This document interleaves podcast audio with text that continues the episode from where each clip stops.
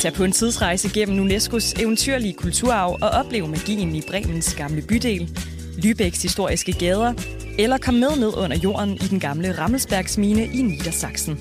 Find mere inspiration til din næste Tysklandsrejse på germany.travel.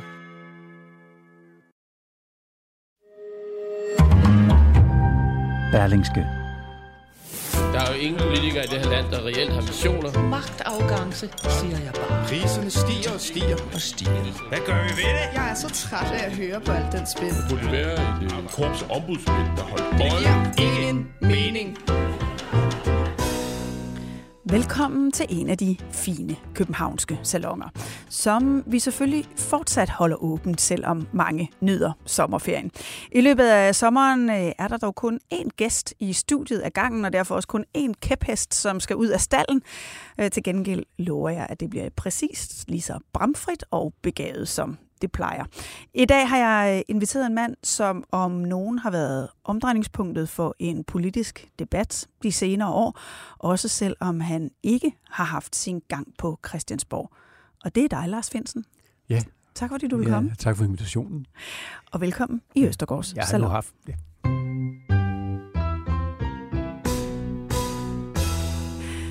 Ja, du var ved at sige, at du har haft din gang på Som Christiansborg. i, embedsmand i, øh, Præcis. i, ja, i 30 år. ja, bestemt, Ja, men ikke ja. de senere på år. Ikke de sidste år, det er Nej. rigtigt. Men det er rigtigt, du er jo øh, tidligere departementchef i øh, Forsvarsministeriet. Ja. Du har været tidligere chef for PET, Mm. og øh, senest chef for Forsvars efterretningstjeneste. Men Som de fleste ved, så er du lige nu suspenderet. Øh, du er tiltalt for at overtræde straffelovens paragraf 109 for at have lækket statshemmeligheder. Det er altså en paragraf, som du kan få op til 12 års fængsel for. Det helt centrale spørgsmål, det er jo, om du har lækket statshemmeligheder. Har du det? Ja, det kan jeg så svare nej til. Og ja, det kan og- jeg svare nej Ja, til. det kan jeg så svare nej til. Og jo den pussy bestemmelse, man har fundet frem til, til, til lejligheden. Ja, Men det er en ja. ja. særskilt diskussion. Det må man sige. Men det siger du nej til. Har du øh, givet øh, oplysninger om efterretningstjenestens samarbejder med andre lande?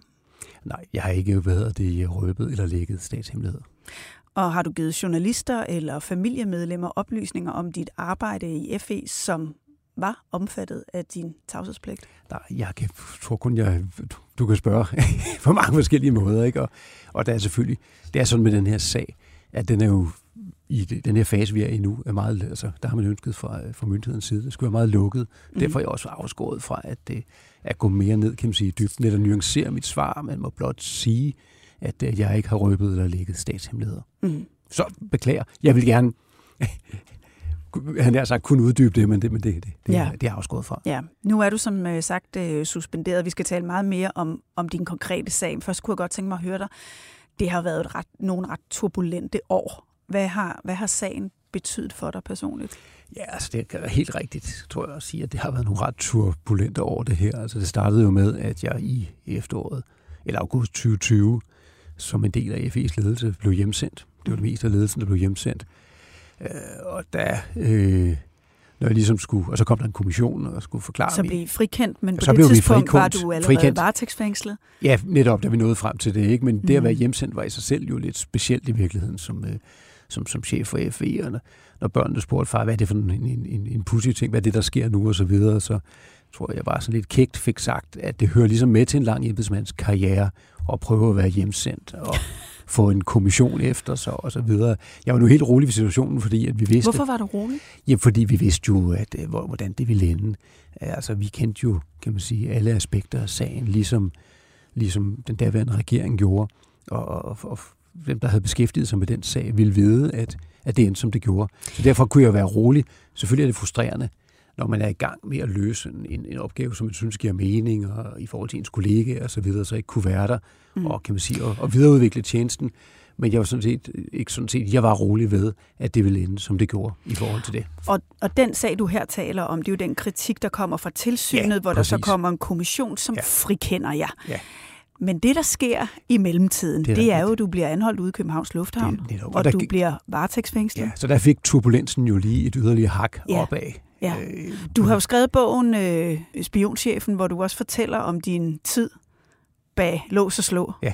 Hvad gjorde den tid i fængslet for dig? Uh, jeg tror, altså den gav selvfølgelig noget, øh, der var, altså, der var noget frustration knyttet til den, noget vrede, øh, øh, noget magtesløshed vi også, øh, i, særligt i forhold til, kan man sige, mine nærmeste og mine, øh, og mine børn. Og den måde, de reagerede på det her, hvor de jo, der var ingen, der vidste, hvad der var op og ned, eller kunne sige noget om det, og, fordi der var den her lukkethed omkring det. Mm. Øh, jeg var også afskåret for at kommunikere frit med dem. Øh, jeg havde nogle telefonsamtaler med dem undervejs, som var overvåget af politifolk osv. Og, øh, og det er klart, at det, det sætter sig lidt i en. Men det må være en selv, meget, meget Men det speciel... sætter sig absolut også i ens øh, familie og ens omgivelser og ens børn. Mm. Og, det, og det er så det, altså, så det, jeg skulle pege på, hvad er det værste? Det er det værste, det er det, jeg, det, det, jeg kan se, det også har betydet for min øh, Hvordan for kan min du nærmeste. mærke det? Uh, jeg har kunnet mærke, at der har sat sig en... Øh, det er sådan set sunde og stærkere og velfungerende børn. Nu tager jeg børnene, ikke? Men der sidder alligevel en, en, en, en, frygt tilbage. Øh, altså små episoder, som hvis det er, jeg ikke har taget min telefon. Fordi jeg forsvandt jo bare mm. øh, den der øh, formiddag der.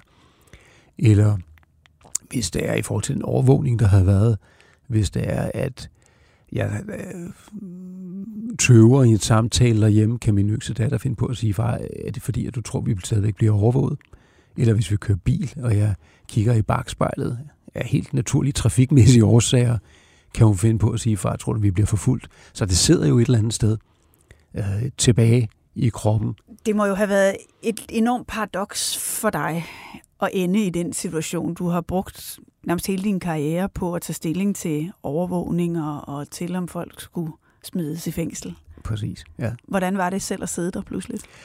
Ja, det, er jo, det tænker man jo så også over, fordi der er også god tid til at tænke over tingene. Øh, så kan man så spørge, har du ikke selv i virkeligheden kan man sige, forvoldt noget af det samme mod andre osv., ikke?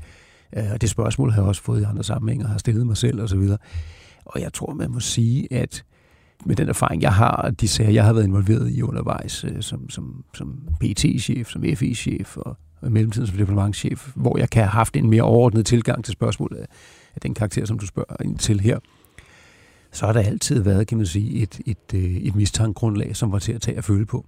Og det har handlet om terrorister, eller spioner og så videre, ikke? Ekstremister på forskellige leder. Uh, og det og, grundlag, det ved jo, det og, og er det ved, du... Og det, kan, det er afskåret fra at gå ind i, men, mm. men jeg kender jo grundlaget, kan man Men jeg sige, ved også, for... du er, du er kritisk over for, øh, hvor solidt det er, og det, øh, ja. det skal vi øh, tale om lidt, ud, lidt senere i, øh, i den ja. her podcast. Men inden vi gør det, mm. så øh, har jeg jo bedt dig, som alle mine andre gæster, om at tage en øh, kæphest med. Du mener, at vi de senere år har set for mange eksempler på, at der har truffet politiske beslutninger, hvor man ikke har været sit mandat bevidst, men man har ageret på følelser og ikke på et solidt fagligt grundlag. Det er den kæphest, du har fortalt mig om. Hvor har du set det? Ja, det synes, det var et svært spørgsmål at skulle tage en en kæphest med, fordi jeg har flere kæpheste. vi kommer sikkert og også vi kommer sikkert tilbage til nogle af de andre. Ikke? Mm. Og jeg tænkte, okay, nu prøver jeg at tage en anden kæphest frem med den. Jeg bare. Og jeg, jeg synes måske, at vi har jo set nogle, øh, nogle afgørelser her i de senere år, vi, hvor at det synes at være nogle meget forhastede afgørelser på et, kan man sige, ikke tilstrækkeligt fuldt oplyst grundlag, og hvor det kan se ud som om, at der er, har været en situation, hvor man har ageret lidt på følelserne, hvor der har været gruppetænkning, øh, og hvor der ikke har været, kan man sige, nogen til stede i lokalet, som på en eller anden måde har sagt, ah, skulle vi lige sove på det, eller overveje, om det nu også er den klogeste afgørelse, det her. Jeg, jeg ikke, hørte om mellem linjerne tale om blandt andet Mink-sagen. Det kunne for eksempel være Mink-sagen, hvor at man, øh, og den er jo blevet undskyldt lidt med, når man havde også travlt, og, og det hastede som, som død og djævel. Men er det sådan en mere generel tendens, du synes, du ser? Nej, så synes jeg, hvis man tager Claus Hjort-sagen, øh, som jeg jo synes er, kan man sige, er, er, er på mange måder helt vanvittig sag i forhold til, at man øh, sigter ham og efterfølgende tiltaler ham. Og det, og sigtelsen falder på et tidspunkt, som ligger, tror jeg, nu kender vi jo mest sagen fra pressen og hvad, hvad Claus har sagt osv., men som falder en 14-15 måneder efter, at han har været ude, kan man sige, i avisen øh, og tale om nogle ting i et politisk ærne. Øh, og så pludselig overnight, fordi at han så sidder, og det har vi altså også for pressen det her, sidder i Libert, så er der nogen, der reagerer øh, følelsesmæssigt i situationen, og Claus har selv været ude og fortælle om, hvordan han er vidne om, og jeg har også hørt det, øh, at der bliver ringet ind til øh, Justitsministeriets departementchef, og nærmest bliver råbt ind i telefonen, han må stoppes ham, Claus. og så videre, ikke? og som ikke virker specielt professionelt mm. øh, i forhold til at håndtere øh, nu, nu siger... sager, som kan få konsekvenser for kan man sige, vores standing, for vores efterretningsmiljø, og for hvordan vi bliver opfattet. Nu siger du det jo ikke selv, men jeg tror godt, at lytterne nok kan høre, at du i hvert fald taler om statsminister Mette Frederiksen og hendes departementchef øh, Barbara Bertelsen. Hvad er problemet med deres måde at træffe beslutninger på? Ja, altså nu, de træffer givetvis også rigtig mange gode beslutninger, eller velgennemtænkte beslutninger osv., men der synes også at være nogle beslutninger, hvor man ikke helt har tænkt, kan man sige, øh, konsekvenserne til ende.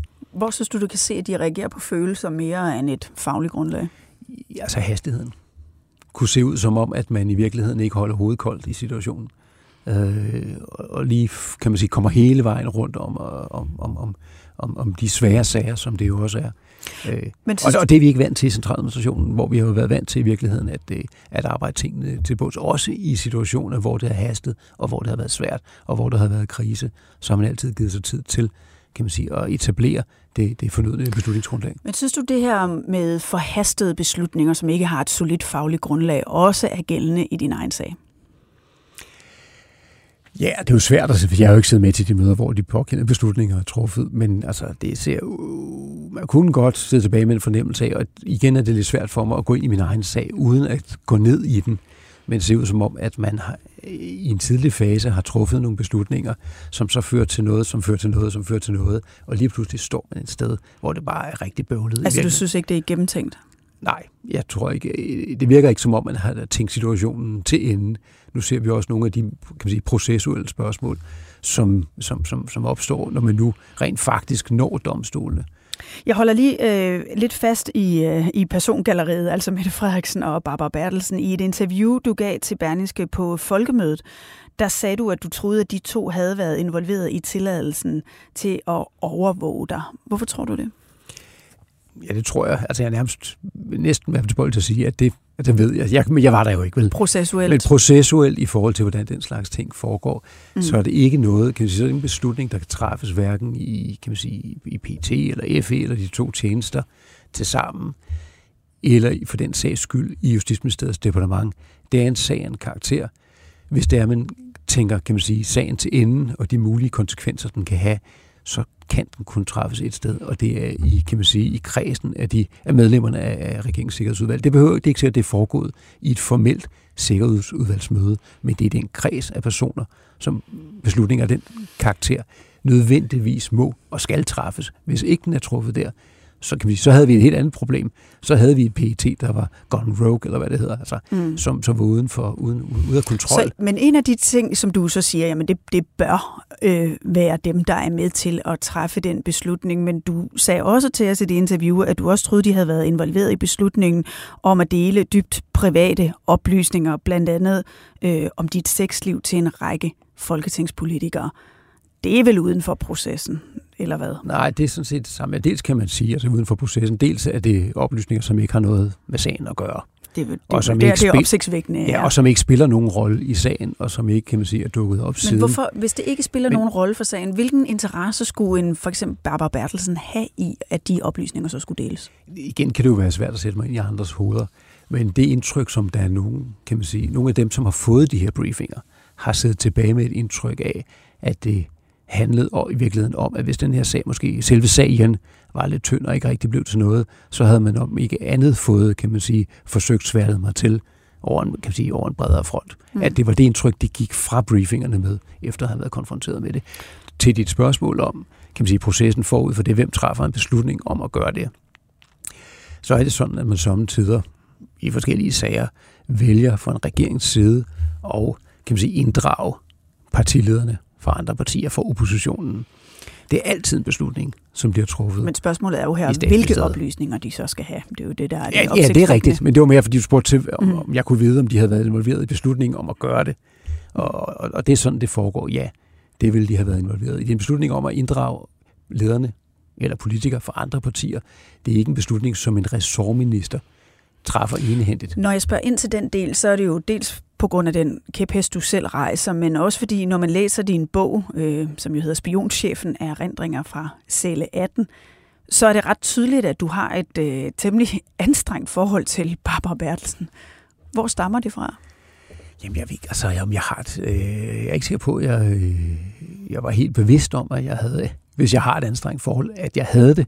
Øh, men det er rigtigt, at der er nogle episoder i bogen, øh, altså, hvor jeg beskriver nogle, nogle episoder, hvor, at vi, øh, hvor vi begge to indgår, øh, og som er nogle, i forhold til nogle af de ting, jeg har oplevet i min, øh, kan man sige, i mit arbejdsliv, nogle lidt centrale episoder, eller episoder, Øh, og, og, og da vi jo er en del af, altså vi har jo gået op og altså vi har deltaget i de samme møder i årvis, og været del af kan man sige, den samme kreds og så videre. Og det er jo det, som mit arbejdsliv også ligesom har, har, har cirkuleret rundt om. Så det er klart, når jeg beskriver nogle centrale episoder fra mit arbejdsliv, jamen så kommer hun også uværligt til at være en del men, af Men der er jo nogle direkte magtkampe eller diskussioner, I har om Vi har så nogle diskussioner om, no, om nogle ting undervejs, hvor vi kan man sige, har nogle forskellige, jeg tror også, vi har nogle forskellige værdisæt i forhold til, øh, til det at drive, øh, kan man sige, eller til at øh, passe vores funktioner på. Altså jeg har grundlæggende en tilgang om, at, og det har jeg haft siden jeg var PT-chef,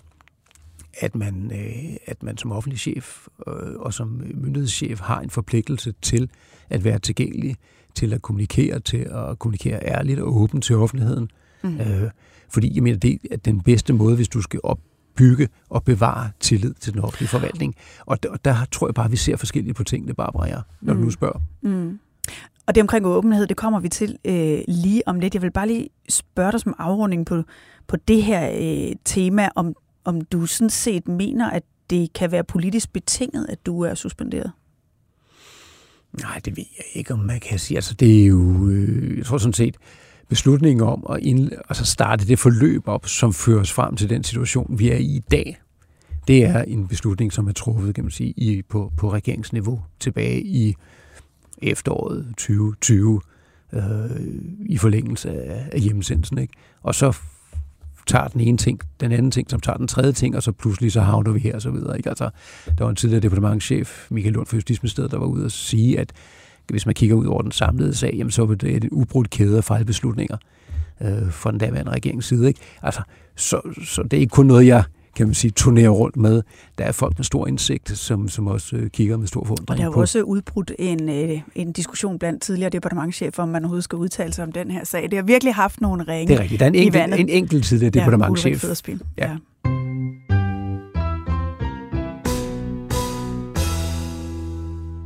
Lad os lige kigge på, hvordan øh, din sag ser ud til at skulle forløbe i løbet af efteråret. Du kæmper jo for, at der skal være åbne døre ved retssagen, øh, så offentligheden kan få indsigt i sagen. Øh, hvorfor er det så vigtigt? Jamen altså, vi har, vi har fra, fra starten, øh, fra allerførste retsmøde i forbindelse med varetægtsfængsling og så videre, plæderet for, at for åbenhed. Vi ved jo, hvad der er inde i sagen, og altså og kender den, og mener derfor, at vi, at, der, altså, at vi har noget at have det i, når vi siger det her. Altså, det øh, al den lukkethed, det giver ikke meget mening. Så det har været vores, øh, vores, vores øh, tilgang til det her fra starten, og det vil det Men... fortsat være. Og det skyldes jo, og igen er jeg afskåret fra at gå ned i det, men så kan, for, så kan man se, så kan offentligt se, hvad det her er, og hvad det ikke er. Man kan jo også stille dig det kritiske spørgsmål, at der er en mulighed, altså der er jo en sandsynlighed for, at I får det afvist, fordi sagen også handler om læk af statshemmeligheder. Argumenterer du i virkeligheden for at få dørene åbnet, fordi du ved, at så kan sagen ikke føres, og dermed kan det redde dig for en sag?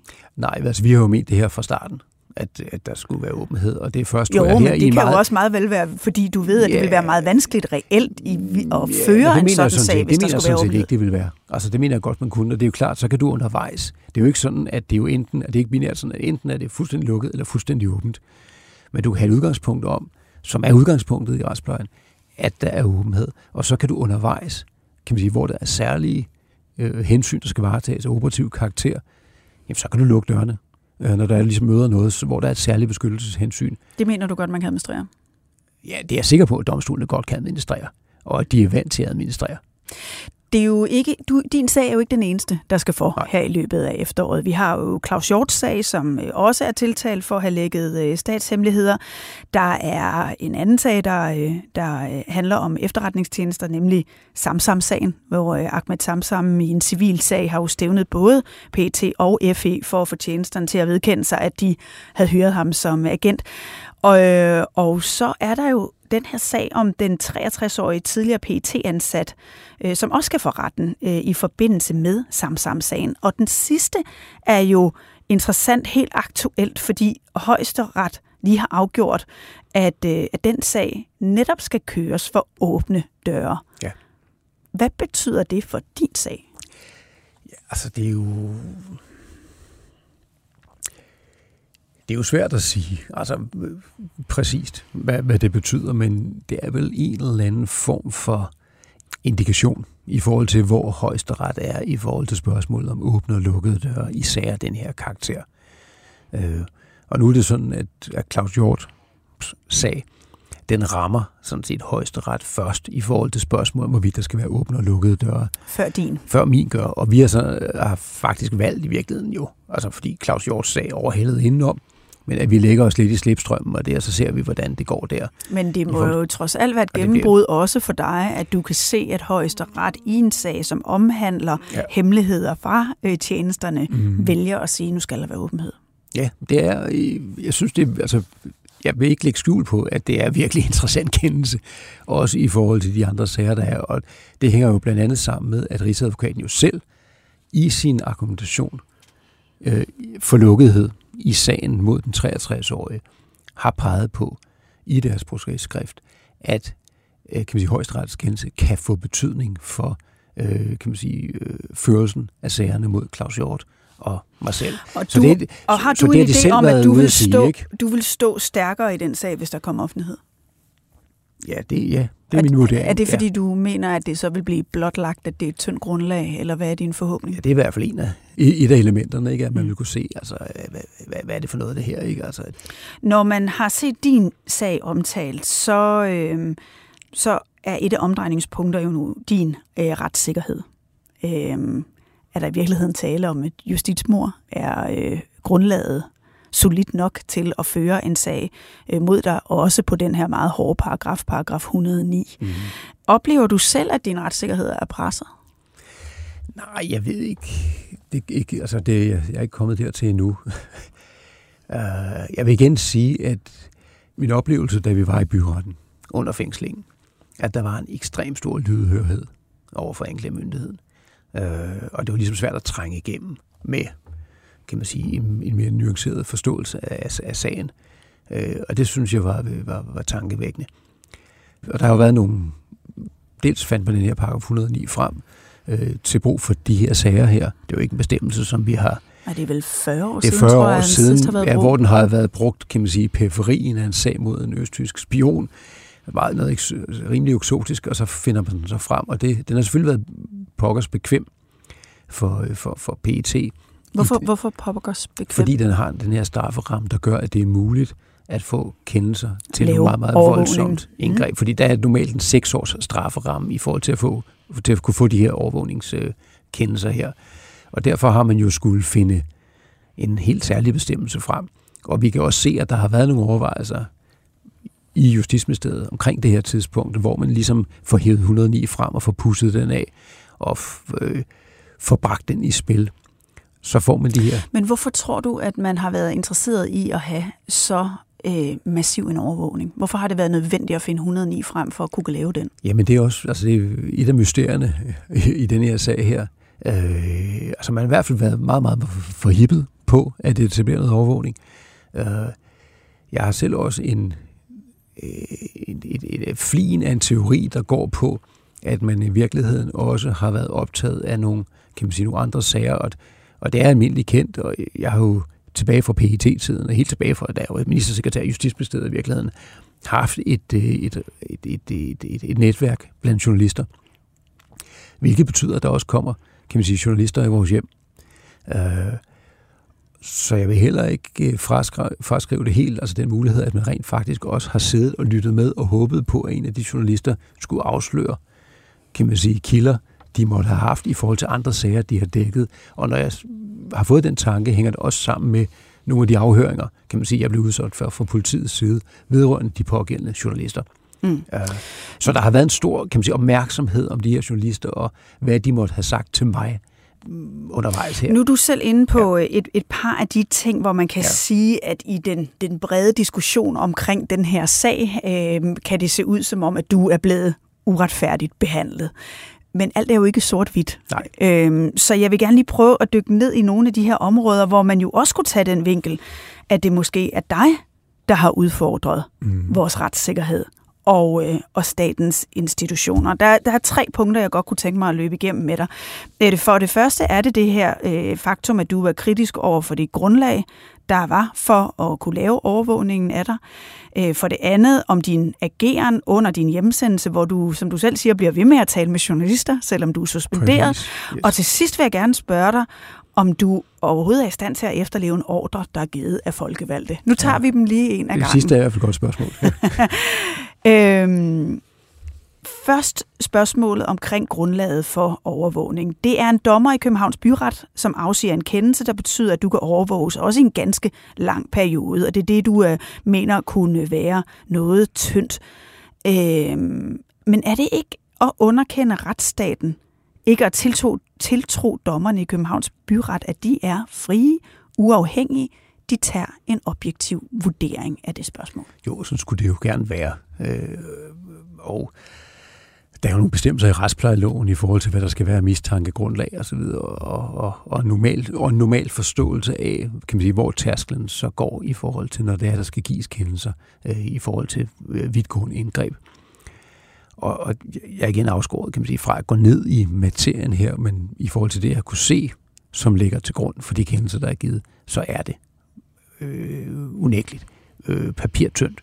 Øh, og det tror jeg selv, altså hvis jeg skal prøve at finde en forklaring på, hvad der er, og Jakob Schaff, tidligere pt chef har været ude og pege på det samme, at det ser ud som om, at det her mistanke, kan man sige, øh, grundlag, eller tærsklen for, hvornår man siger, at mistankegrundlaget er til stede opfyldt, at det er eroderet over tid eller i hvert fald over de sidste par årtier. Og jeg tror selv, at det hænger sammen med, og det kan man så sige, jamen, det er en plausibel forklaring, at det hænger sammen med den terrortrussel, vi, vi, vi har haft siden 9-11, hvor at der har skulle stadig mindre til, når det var, man gik ned, kan man sige, og skulle have en kendelse Men på terrorområdet. Og det, det tror jeg sådan set har smittet lidt af på, at øh, på, på de krav, man har, man de facto stiller, når det er PT, møder op nede i den særlige afdeling i byretten og påberåber sig Men det er jo ikke bare en kendelse til en så at sige, lille overvågning. Nej, altså, du rigtigt. bliver overvåget i dit hus, dit sommerhus, ja. din øh, bil, der er rensagninger, ja. det er over en meget lang periode. Ja.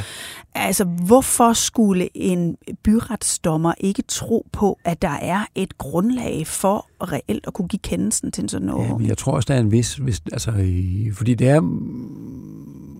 Det er også der kan måske være en vis usikkerhed over for at skulle sidde, man sidder i, i kan man sige, enlig, en, en byretsdommer alene. Man kan ikke tale med nogen om det. Øh, PT kommer ned, taler om statens sikkerhed, hensyn til fremmede magter osv., så, så kræver det, altså så er det sin sag i virkeligheden også at hælde det ned og brætte situationen. For tænk nu, hvis der var noget om det. Så det er ikke fordi, jeg er uden forståelse for det. Det man så også bare må notere sig, det er, at de forhold, og det er egentlig myndigheden selv ved at sige det her, altså de seks forhold, som sagen jo nu drejer sig om, der ligger det første af dem hen i slutningen af april måned 21. Der er intet af det, kan man sige, som syntes at spille ind omkring kan man sige, de kendelser, der blev givet lang, lang, lang tid før, som kan man sige, spiller nogen rolle. Men det du mener, det er ikke fordi, altså fordi dommer er jo ja. tjenestemandsansat. De kan sådan set ikke fyres. Der er ingen grund til, at de skulle danse efter en politisk pibe i det her spørgsmål? Nej, jeg siger jo ikke en politisk pibe. Altså, i... Du mener mere, det er øh, en, altså blandt andet terrorhændelser, der har gjort, at det, det er et andet grundlag, et ja, man, grundlag, man stiller man nogle, nogle, nogle, nogle, kan man sige, nogle mildere krav til, til mistankegrundlag, der skal være til stede. Ikke? Mm.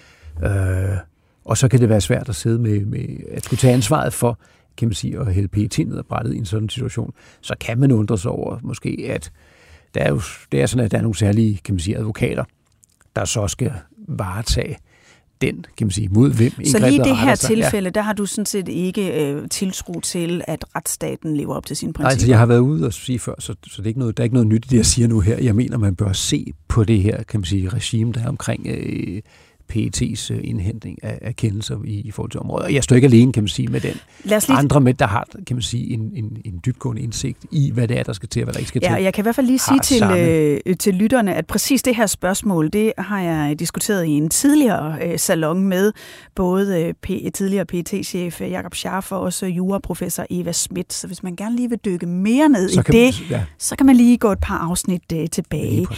Men jeg vil også godt lige holde fast i øh, dels overvågning, men jo også, hvad der kom ud af den. Fordi, hvis vi lige prøver, prøver at spole tilbage til den tid. Vi står i en situation, hvor der er nogle historier, som er blevet lækket til medierne, blandt andet om det meget omdiskuterede kabelsamarbejde, og jeg ved, at du af gode grunde selvfølgelig er meget påpasselig med at overhovedet at bekræfte, at, at der er sket læk omkring det. Men du er chef for Forsvarets efterretningstjeneste på det tidspunkt. Burde du ikke selv have været mere opsøgende over for, hvor de læk kom fra? Jo, jeg tror faktisk, at jeg har øh, i den bog, som jeg har skrevet, siger, at når det var, at jeg kan man sige, bevarede kontakten ud i det netværk, jeg havde i medierne, så handlede det blandt andet om, at jeg var optaget af at finde ud af, hvor pokker kommer det her fra. Øh, fordi jeg havde en fornemmelse af, at der var nogen, der susede rundt i kulissen øh, med nogle dagsordner mm. i forhold til at, at, at, lægge nogle ting, uden jeg skal gå ned i, hvad det så var mere præcis for nogle ting, jeg tænker på. Øh, så det var en af... Men hvis vi nu havde forestillet os, altså, at der var en medarbejder, der havde omtalt kabelsamarbejdet over for for eksempel journalister, ville det så ikke have været at røbe statshemmeligheder? Jamen, jeg kan ikke gå ind og, kan man sige, og forsøge at svare Men teoretisk set, på, som en chef for efterretningstjenesten, ikke, kunne du vel forholde dig principielt ja. til, om det ville være at røbe statshemmeligheder? Jamen, jeg, får, jeg kan ikke gå ind i og forsøge at besvare det spørgsmål. Jeg forstår godt, du stiller det, så, men øh, jeg kommer hurtigt ned af en eller anden tangent, hvor at, øh, jeg ikke synes, jeg skal være lige nu. Det var det første punkt. Du er allerede på vej ind i det andet punkt, jeg gerne vil tale med dig om, fordi som du selv siger, da du er hjemsendt og suspenderet som FE-chef, så bliver du netop ved med at tale med journalister. Hvorfor gør du det? Ja, så dels er der nogle af dem, jeg kender, altså privat. Øh, så, så, Som så er det, dine private venner? Eller ja, hvordan? ja, ja, hvor vi også døtre leger sammen, og, og der er legeaftaler, og så videre, så videre, så videre. Så der er også det element i det, selvfølgelig. Og så er det også, øh, som jeg har skrevet om i bogen, altså den interesse for mig. Jeg følte, jeg, jeg havde, det må jeg sige, jeg, jeg følte stadigvæk, at jeg havde et ansvar for at passe på, øh, passe på FE. Ja, men, men, med, men med hvilken ret er det, du går ud og kommunikerer? Fordi du ved jo godt, at ja. FE har ledere, de har kommunikationsmedarbejdere, de kan udmærket klare en kommunikationsopgave selv. Hvorfor men føler det, du, at du det, skal være enmands her for at forsvare tjenesten ja, ud fra det ja, blik, du ja, har? det er rigtigt. Jeg har været, jeg har været det her, øh, kan man sige, i mange, mange år, og har en erfaring, og jeg havde et netværk. Men det er vel at underminere den institution, der er, ikke at tro, Nej. at de vil kunne varetage den rolle, når du er suspenderet? Jeg tror sådan set, der er flere ting, hvis det var, at man gik ned i sagen, hvor man kunne se, at jeg rent faktisk havde gjort en forskel til fordel for FE. Kan du forstå, at det nogle gange kan se ud som om, at du er mere interesseret i at redde dig selv end tjenesten? Vil du gøre ja, det her? Nej, fordi at jeg havde ikke, der var ikke et spørgsmål, at jeg skulle redde mig selv. Jeg havde sagt, at jeg kunne gå og lægge fliser derhjemme og vente på, at kommissionen blev færdig med det resultat, som jeg vidste, den ville komme frem til, nemlig at der ikke var noget at komme efter. Og det ville jo også indebære, at jeg sådan set skulle som udgangspunkt genindtræde i min chefrolle, og det vil sige, at jeg skulle jo tilbage til noget, men man kan jo godt spørge dig, du, optaget du, du, også passe på det. Mm, men du ved, du er suspenderet. Hvorfor er du ikke mere påpasselig i den periode med at tale med journalister? Jamen, det er ikke et spørgsmål, om jeg har været upåpasselig. Altså, i forhold til, til, til det. Øh, så så det, jeg, kan ikke, det kan, jeg kan ikke helt følge det billede. Og det er, i hvert fald, det er jo noget af ja. det, som retssagen i hvert fald skal, øh, skal afklare. Ja. En enkelt ting til det, vi lige talte om, i forhold til det der med, hvorfor det ikke var FI's fungerende ledelse, der havde ansvaret for de her ting osv. Det kan man selvfølgelig godt sige ja formelt. Men vi så jo også, hvordan de, kan jeg sagt, i en senere fase, øh, den fungerende FI-chef og PT-chefen tog rundt på, kan man sige, avisernes redaktioner. Der var nogle chefredaktører, der blev kaldt til Som blev kaldt til samtaler og nærmest blev troet og så videre. Hvad kom der ud af det? Der kom det ud af, at de pågældende chefredaktører røg direkte ud med de historier om, kan man sige, som de to chefer havde været rundt med, og i virkeligheden eksponerede de i virkeligheden en, en uhensigtsmæssig opmærksomhed omkring tjenesterne. Så du synes ikke, at det var en øh, kompetent Nej, mediehåndtering? det vil være synd at sige, og jeg tror, det er de færreste, der mener, at det var kompetent. Mm. Vidste du, at Tyskland har 52 unikke grunde til at få pakket bilen og komme afsted? Med 52 kulturskatte, steder og traditioner på UNESCO's liste, og en verdensarv på mere end 7.000 år, kan en tur til Tyskland blive en enestående mulighed for at rejse tilbage i tiden. Find mere inspiration til din næste Tysklandsrejse på germany.travel. Det tredje punkt. Altså spørgsmålet om, om du egentlig kan tage en ordre fra en overordnet og en folkevalgt. Jeg vil gerne lige spole tiden tilbage til din tid som departementchef i Forsvarsministeriet, hvor ministeren dengang hed Peter Christensen. Man kan læse i din bog, at, øh, at øh, Peter Christensen flere gange bad dig om et øh, notat med et bud på, hvordan en planlagt forsvarsreform kunne rulles tilbage. Og det vil du ikke give ministeren. Du skriver, at du skød det hen. Hvorfor følger du ikke sådan en ordre? Ja, altså, nu det er jo, det er jo fremstillet det her som om, at det var sådan en større ting. Øh, og, og det kom Jamen, reformen af forsvaret var jo en ganske stor ja, det var og meget kæmpe, principiel det er ting. Det var en kæmpe ting. Øh, selve reformen, som var under udrulning, og hvorfor det absolut ikke gav nogen som helst mening at forsøge at, han er sagt, at, at, at rulle den tilbage. Der var en meget, meget kompliceret politisk aftale bredt i Folketinget, som lå til grund for det her. Og, og det er rigtigt så var vi ikke så hurtige til at lave det her notat, og nu har jeg faktisk også efterfølgende været tilbage og lige dobbelttjekket, og jeg kan se, at vi lavede et notat, men som ikke helt levede op til forventningerne. Men når det er så sagt, så er det jo noget, der foregår hele tiden i centraladministrationen. Altså, så det er i virkeligheden at, en relativt... At, at embedsmænd ikke agerer nej, på de nej, ordre, de får nej, fra deres minister? Nej, det er jo ikke heller ikke det, der taler om. Jeg tror, det... jeg ved godt, der er nogen, der har været optaget kan man sige, at trække det billede op, og det skulle være et udtryk for, at at jeg var i og så videre, så videre. Men jeg har jo alligevel været embedsmand i 30 år. Jeg tror, at øh, de fleste, der kender mig og har arbejdet sammen med mig, godt ved, at han er sagt, hvor optaget jeg er af at realisere, kan man sige, de ønsker, der er for ministers øh, side, og, og, og sørge for at implementere de forskellige, forskellige regeringers politik og så videre på en god og savlig og hensigtsmæssig måde. Øh, og så i Men... bogen talte vi lidt frem og tilbage om, at nu skulle det jo heller ikke bare være, kan jeg sagt, at du lavkatter he, det hele, og jeg prøvede så at rense af mit hoved for et eller andet også, hvor man kunne sige, hvor jeg i virkeligheden, det kunne jeg godt have gjort på en anden måde det her. Og så kom jeg i tanke om, om den her episode her, som heller ikke er nogen større episode. Øh, og så har jeg taget den med, og den er så efterfølgende, kan jeg se, er blevet udlagt som, at det nærmest skulle være et karaktertræk. Og, og, det, og det, men når jeg Men det kan godt være nogen, når jeg opridser ja. de her tre øh, eksempler, så er det jo fordi, der stiller du dig kritisk over for, for øh, de beslutninger, som institutioner i øvrigt tager, om det er byretten, om det er FE, der ikke kan kommunikere, eller om det er ministeren, der tager dårlige beslutninger. Man kan jo samlet set spørge, om du mener, at det er er det, er det hele systemet, der er sygt, eller er det dig, der opfatter det forkert? Jeg tror, ingen af delene. Altså, vi har, vi har et godt og sundt system herhjemme. Øh, og så er der et par punkter her, hvor jeg har en, kan man sige, en, en, en vurdering af tingene. Øh, og det er heldigvis, han er, der er undtagelsens karakter, at tingene foregår på den måde. Og her, der skulle måske snarere være gået til Peter og sagt, Peter, det er en virkelig dårlig idé det her, og så måske have inddraget statsministeriet, i stedet for, at vi var lidt øh, tøvende i forhold til at, lidt at koncipere Ja, jeg tror, jeg havde lidt den der, det går, sku, det, det går nok, altså. Det går væk, hvis det vi går gør væk, noget. fordi, nej, vi havde jo en samtale om det og så videre, og vi lavede et notat, og det levede så ikke op til forventningerne og så videre. Det vores øh, samtale jo her også øh, afspejler, det er jo, der er en hel masse spørgsmål, vi stadigvæk ikke har indblik i. Og, øh, og der, er derfor rigtig, bliver der er rigtig det, mange. Og derfor bliver øh, sagen jo også enormt øh, interessant at, at følge. Øh, du forventer, at hvis sagen kommer til øh, altså kommer for retten, så kommer den til at gå helt til højesteret. Hvorfor? Jo, altså jeg tror, øh, man må sige, øh, er den jo sat til at starte, øh, sådan som planen er nu, øh, i tror omkring 1. november, og så med domsafsigelse i Lyngby Byret øh, omkring 1. april.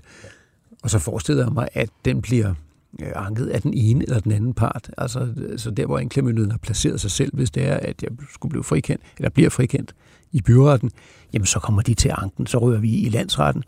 Øh, og så har jeg svært ved at se Lige så vel som du kommer til at anke, hvis du bliver dømt. Lige præcis, ikke? Og så derfor har jeg svært ved at se for mig, at vi kan også ryge i højesteret, fordi at det er straflovens paragraf 109, og dermed jo en meget principiel sag, og i det hele taget en, en helt særlig sag, så, så den er klart egnet til at gå hele vejen. Mm. Og, og for Claus Hjorts vedkommende vil, vil det samme gøre sig gældende, og det har han jo selv været ude at hvis sige du, også. Øh, hvis du bliver frikendt, hvad synes du så, det er udtryk for? Jamen så er, vil det bare være en bekræftelse på, han har sagt, en uhensigtsmæssig håndtering, håndtering af den her sag fra starten her. Hvad skal du så lave? Øh, til den tid? Mm-hmm. Ja, det er svært at se, fordi det her kan jo så tage, tage flere år, hvis det, hvis det kan man sige, det, det er det scenarie, der kommer til at udspille sig. Men nu må jeg se, at den her sag har haft så mange faser, og, så jeg tager gå en fase af gangen, og så ja. prøver jeg, han har sagt, at koncentrere mig om noget, øh, noget positivt i mellemtiden, mens vi, mens vi venter øh, på, på afgørelsen. Det var øh, i hvert fald en øh, fornøjelse, at du vil komme her i min salon. Tak ja, for det. Selv tak, og tak for invitationen. Og øh, så skal jeg lige sige til øh, lytterne, at i næste uge, der får jeg også besøg af en øh, personlighed, som fylder noget i den offentlige debat. Der får vi besøg af iværksætter og debattør Martin Thorborg. Jeg hedder Mette Østergaard, producer var Josefine Maria Hansen, på genhør i Østergaards Salon.